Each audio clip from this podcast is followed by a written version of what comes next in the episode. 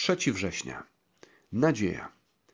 Nadzieja to coś więcej niż marzenie o tym, by wszystko dobrze się ułożyło. Nadzieja to odpoczywanie w Bogu, który trzyma wszystko w swoich mądrych i potężnych rękach. Używamy słowa nadzieja na różne sposoby. Czasami słowo to sugeruje życzenie odnośnie do czegoś, nad czym nie mamy w ogóle kontroli. Mówimy na przykład: Mam nadzieję, że pociąg zaraz przyjedzie. Albo mam nadzieję, że w dniu pikniku nie będzie padać. To są życzenia odnośnie e, do rzeczy, do, na, których nie możemy gwarantować. Słowo nadzieja opisuje to, co według nas powinno się wydarzyć. Mówimy, mam nadzieję, że tym razem ktoś będzie szczery, albo mam nadzieję, że sędzia unieważni ten wyrok. Tutaj nadzieja objawia wewnętrzne poczucie moralności i sprawiedliwości.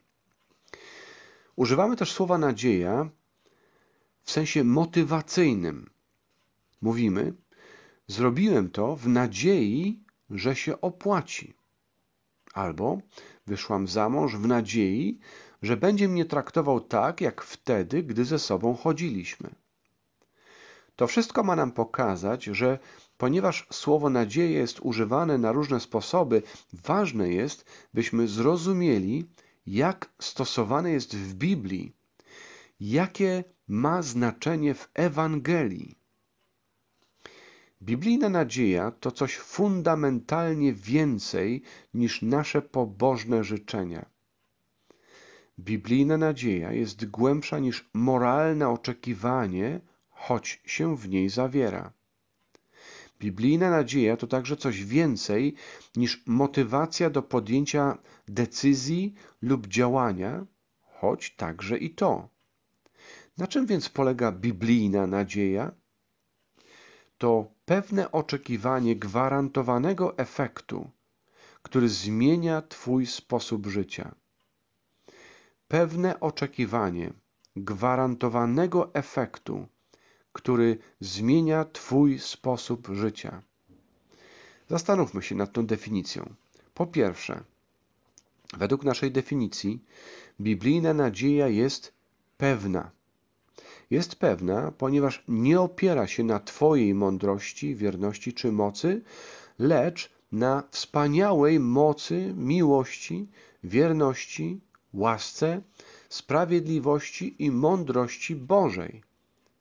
Jako, że Bóg jest tym, kim jest i nigdy się nie zmieni, nadzieja złożona w Nim jest dobrze ulokowana i zabezpieczona.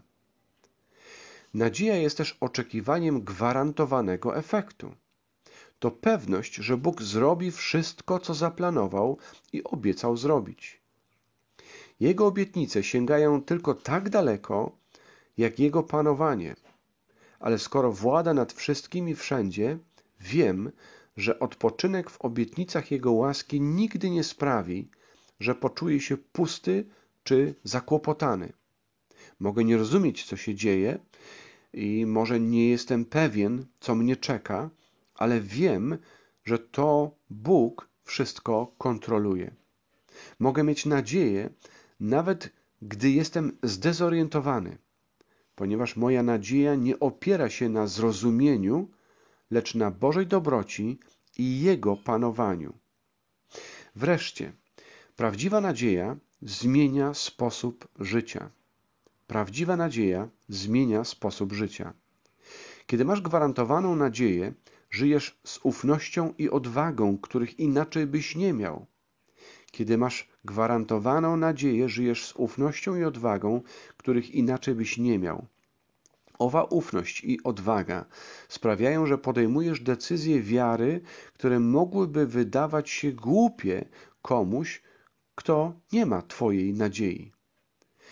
Jeżeli jesteś Bożym dzieckiem, nigdy już nie musisz żyć pozbawiony nadziei, ponieważ ona wkroczyła w Twoje życie przez łaskę której na imię Jezus. Do dalszego rozważania i zachęty Psalm 20. W tłumaczeniu uspółcześnionej Biblii Gdańskiej.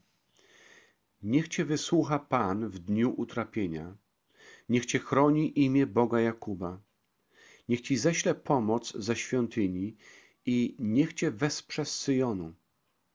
Niech pamięta wszystkie Twoje ofiary i niech przyjmie Twoje całopalenia. Sela. Niech da Ci wszystko, czego pragnie Twoje serce i każdy Twój zamysł niech wypełni. Będziemy się radować z Twojego zbawienia i w imię naszego Boga sztandary podniesiemy. Niech Pan spełni wszystkie Twoje prośby. Teraz wiem, że Pan wybawia swego pomazańca. Wysłucha go ze swego świętego nieba zbawczą mocą swojej prawicy. Jedni pokładają ufność w rydwanach, inni w koniach, lecz my będziemy wspominać imię Pana, naszego Boga. Tamci zachwiali się i upadli, a my powstaliśmy i ostoimy się. Panie, wybaw nas, a król niech nas wysłucha w dniu naszego wołania.